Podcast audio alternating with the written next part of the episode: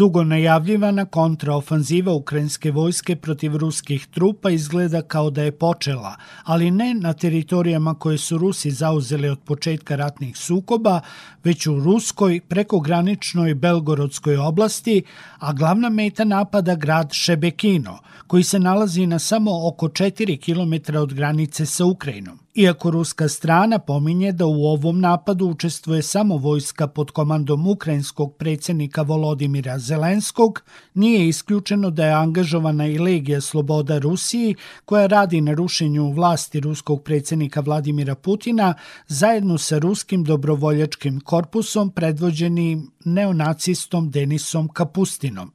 Odgovornost za napad u Belgorodu ispred Legije Slobodne Rusije javno je preuzeo Ilja Ponomarijov. Mi govorimo i povezani smo s ljudima koji se bore u Rusiji. Ovih je dana izvedeno dosta napada u Rusiji. Riječ je o visokoprofilnim vrstama napada, poput onog na Kremlj ili atentata na Tatarskog, jednog od najbližih Prigožinovih saveznika.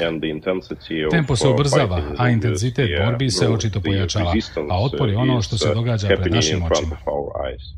Napad u Belgorodu mogući je uvod u ukrajinsku kontraofanzivu, Amerika je odbacila navode o umešanosti u napad na tu oblast u blizini ukrajinske granice. O ukrajinskoj kontraofanzivi intenzivno se priča nakon samita G7 u Hirošimi, na kojem je američki predsjednik Joe Biden dao zeleno svetlo saveznicima da Ukrajini isporuče bombardere F-16. Nakon samita G7 sastao sam se s predsjednikom Zelenskim i njegovim saradnicima. Rekao sam da će SAD i naši saveznici i partneri početi s obukom ukrajinskih pilota na vojnim avionima četvrte generacije, uključujući F-16, radi jačanja ukrajinskih zračnih snaga u okviru kontinuiranih napora da se toj zemlji omogući odbrana. A onda se dogodio i masovni udar dronova na Moskvu koji bi prema mišljenju većine analitičara mogao biti test za brzinu reakcije akcije protiv vazdušne odbrane koja štiti rusku prestonicu. Ruski predsjednik Vladimir Putin to smatra klasičnim terorizmom.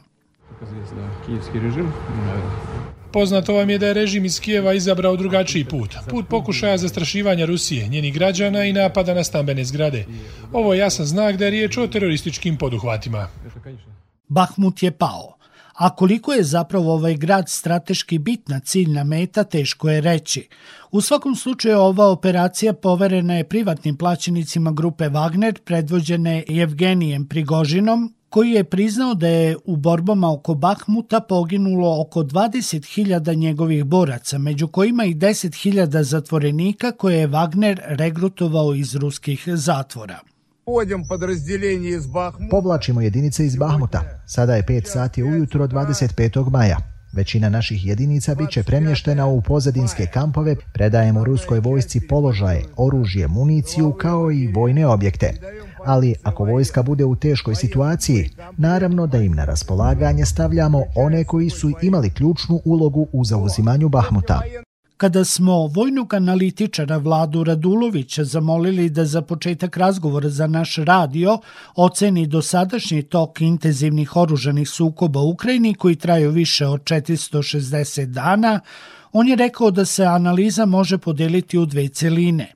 Prva je svakako vrlo ozbiljno suprotstavljanje ukrajinske vojske jednoj snažnoj invaziji koja je krenula sa severa, severoistoka istoka i dela južnih oblasti, kada su svi verovali da će Ukrajina biti slomljena za tri dana.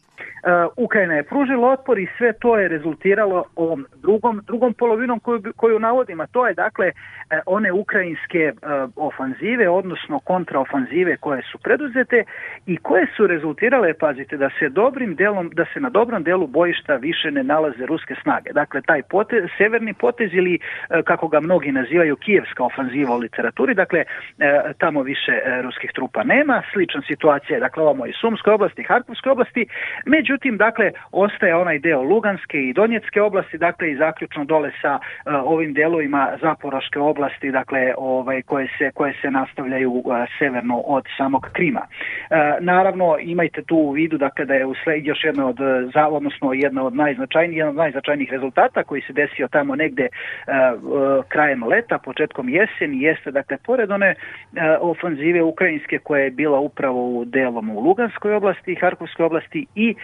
povratak pod kontrolu, odnosno oslobađanje Hersona.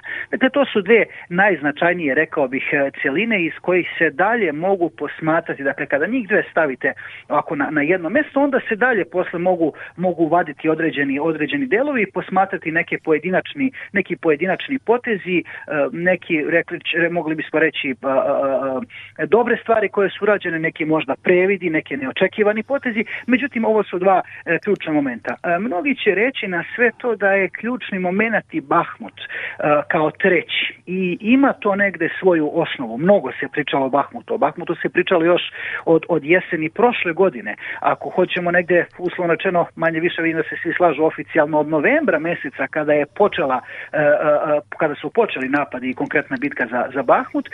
Međutim, i ta bitka koja je trebala suštinski negde da predvodi Ukraj, odnosno Rusku tu takozvanu zimsku ofanzivu.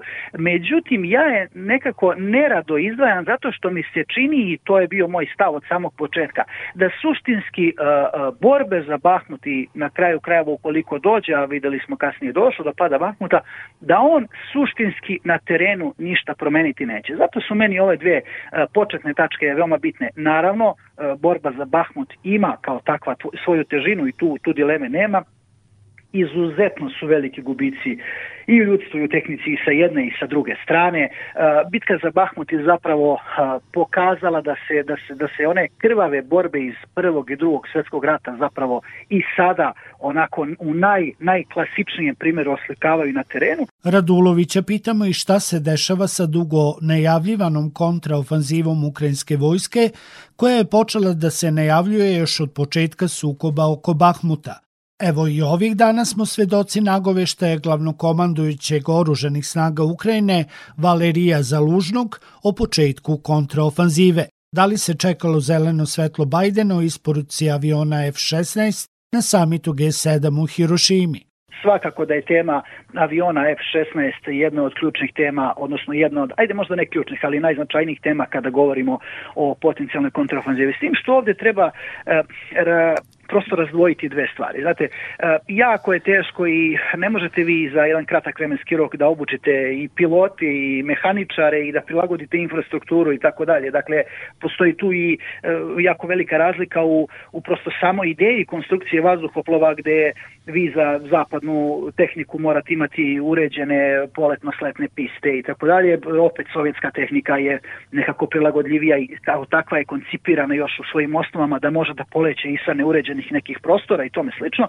E, dakle, to je, to je, to je jedan segment. A drugi segment je zapravo strategija, pa ako hoćete i sama taktika upotrebe na, na terenu. Istočnjačka ideja je nekako više ideja podrške artiljerije, podrške dakle vaših artiljerijskih snaga i, i vatrene moći. A, opet kada govorimo o ovom zapadnom segmentu, naročito u novije vreme, dakle e, njima jeste okosnica upotreba upravo a, neposredne podrške iz vazduha, odnosno podrške avijacije. I onda imate prosto dva koncepta koja su e, onako reklo bi se malo na, na suprotnim stranama. Da li, naravno, da li, da li ovaj, bi imalo značaj i te kako bi imalo značaj i tu, tu dileme nema, dakle dolazak aviona F-16. Na osnovu svega onoga što mogu ovako da posmatram sa, sa strane, rekao bih da sam prilično skeptičan da bi moglo, naročito u nekom velikom broju, znate, ako vi planirate e, jednu kontraofenzivu uh, u takvom formatu gde se pominje na nekoliko stotina uh, tenkova, gde se pominje na desetine hiljada pripadnika vaših oružanih snaga i tako dalje, zato onda vama treba u, u najmanjem nekoliko eskadrila vazduhoplova recimo kao što je koje što je F16 ili, ili neki drugi zapadni vazduhoplov i ono gde ja dileme nemam, nemam dileme da bi do isporuke, odnosno da će do isporuke tih vazduhoplova u nekom trenutku doći, ali prilično sam skeptičan, dakle ne bi smeo da kažem ni da ni ne, da li to može da bude u narednih mesec ili dva, odnosno kada otpočne ukrajinska ofanziva, to već nisam siguran. Na podsjećanje da sve češće svedočimo i oružanim operacijama koje prelaze ukrajinsku granicu i pogađaju oblasti u samoj Rusiji, Radulović kaže. Kao posebno interesantno jesu još dva segmenta koja dakle nemaju veze sa sam, samom linijom bojišta, a to je dakle Kada govorimo o ruskoj strani, to su naročito u proteklom mesecu, dakle e, sve češći e, napadi, vazdušni napadi, dakle starećim raketama, nekim hipersoničnim naoružanjem, zatim e, dronovima. Čini mi se da je ovako sad iz glave, kako bih mogao reći, mislim da je, da je maj mesec zapravo da je bilo 15 tih vazdušnih udara, što je apsolutno najviše do sada u toku jednog meseca. A sa druge strane postoji, dakle kada govorimo o Ukrajini, postoji jedna interesantna dimenzija, a to je da se ranije, dakle tokom e, e, prošle godine, imali smo u nekoliko navrata dakle korišćenje dronova i neke eksplozije koje se dešavale na teritoriji Ruske federacije ili dejstvo po ciljevima na teritoriji Ruske federacije neposredno uz granicu sa Ukrajinom. Međutim, sada imamo, dakle u posljednje vrijeme imamo i sve češće okršaje u samu granicu i upade na teritoriju Ruske federacije od strane određenih formacija koje sebe nazivaju Ruskim dobrovoljačkim korpusom ili Legion slobode Rusije i tako dalje. Dakle, formacija koje e, se bore na strani Ukrajine, e, sačinjene od ruskih državljana, međutim za koje Ukrajina kaže da prosto da ona nije davala zeleno svetlo za takve neke operacije. Dakle, to je jedan, jedan moment. I drugi moment je naravno ove, sve e, veće aktivnosti koje se beleže od strane ukrajinskih partizana koje se nalaze na ovim e, teritorijama koje se nalaze pod okupacijom Rusije, dakle mislim recimo na, na Melitopolj, mislim na Mariupolj, imali ste situaciju od pre par dana, zatim na Berdijanski i tako dalje. Radulovića pitamo koliko su tačni teze koje tvrde da Sjedinjene američke države koriste ukrajinski rat i kao idealnu mogućnost da se oslobode zaliha starog naoružanja i partnerima ponude na oružanje nove generacije po znatno visokim cenama. Pa vidite ovako, ja to posmatram sa jednog vrlo onako pragmatičnog aspekta, rekao bih. E, imate situaciju da je ukrajinsko bojište zapravo prvo bojište nakon drugog svjetskog rata na kome se doslovno ispituje, isprobava i u realnim borbenim uslovima testira tehnika i istoka i zapada, tehnika koja se razvijala decenijama unazad. Prosto došlo do trenutka da, da, da, ste morali tu tehniku negdje da, da ispitate. Neka tehnika e, je doživjela e, svoj, svoju neslavnu, neslavnu priliku da se pokaže, ajde da iskoristim taj termin koji je možda malo rogobatan, ali ovaj, odnosno mislilo se da je, da je fascinantna, onda se pokazalo da ipak nije toliko sa druge strane, neka sredstva su opravdala svoje očekivane ili možda čak i, više od toga, dakle i sa jedne i sa druge strane i nema dileme da će e, rezultati sa ukrajinskog bojišta, bez obzira pričali o istoku ili zapadu, e, i tekako uticati na ne samo na potražnju, već i na cenu tih sredstava koja se budu kasnije prodavala po svetu. Kada me pitate konkretno za ovaj zapadni blok, ajde tako da kažem, e, pa jasno je, znate kako vi e, sredstva ratne tehnike u oružanim snagama morate zanavljati. Ako ste nešto dali ili poklonili, e, logično je da ćete to, jel tako, morati da zanovite, odnosno da kupite ako, ako je odluka da idete kao zemlja članica NATO-a da kupujete, mislim morate kupovati od, od zemalja članica NATO, odnosno onih koji proizvode po, po NATO standardima, po zapadnim standardima, a Sjedine američke države se nameću tu kao jedan od najvećih ili najveći proizvođač i izvoznik naoružanja i vojne opreme, onda se mi možemo složiti da i taj segment svakako e, ide ruku pod ruku. I na kraju krajeva e, vi kada pogledate zapravo stiče se utisak da e, kada god neka zemlja pojedinačno, europska zemlja pojedinačno nešto donira ili poklanja Ukrajini, naročito u ovom segmentu dakle složenih borbenih sistema, obično se negde uz tu priču prati, odnosno tu priču obično prati i neki komentar da će umjesto toga kupiti ili nabaviti ova ili ono sredstvo iz Sjedinjenih američkih država, s tim što bih ja ovdje, pored SAD-a, samo dodao još jednu zemlju na koju čini mi se se ne obraća toliko pažnja, a to je Južna Koreja.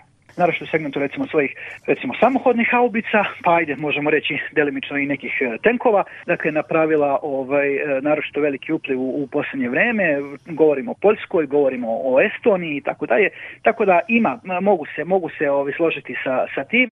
I dok se u posljednje vrijeme najčešće govori o ukrajinskoj kontraofanzivi, ne treba zanemariti i nedavnu izjavu čečenskog lidera Ramzana Kadirova, koji kaže da su čečenski vojnici dobili nalog za dislokaciju sa teritorije Donjetske oblasti, a slične naredbe su navodno dobile jedinice Ahmat Ministarstva odbrane Rusije i Ruske garde Rosgvardija, koje se nalaze na alternativnim delovima kontakt linije u Zaporoškoj i Hersonskoj oblasti. Sektor Plus. Svet sa naslovnice.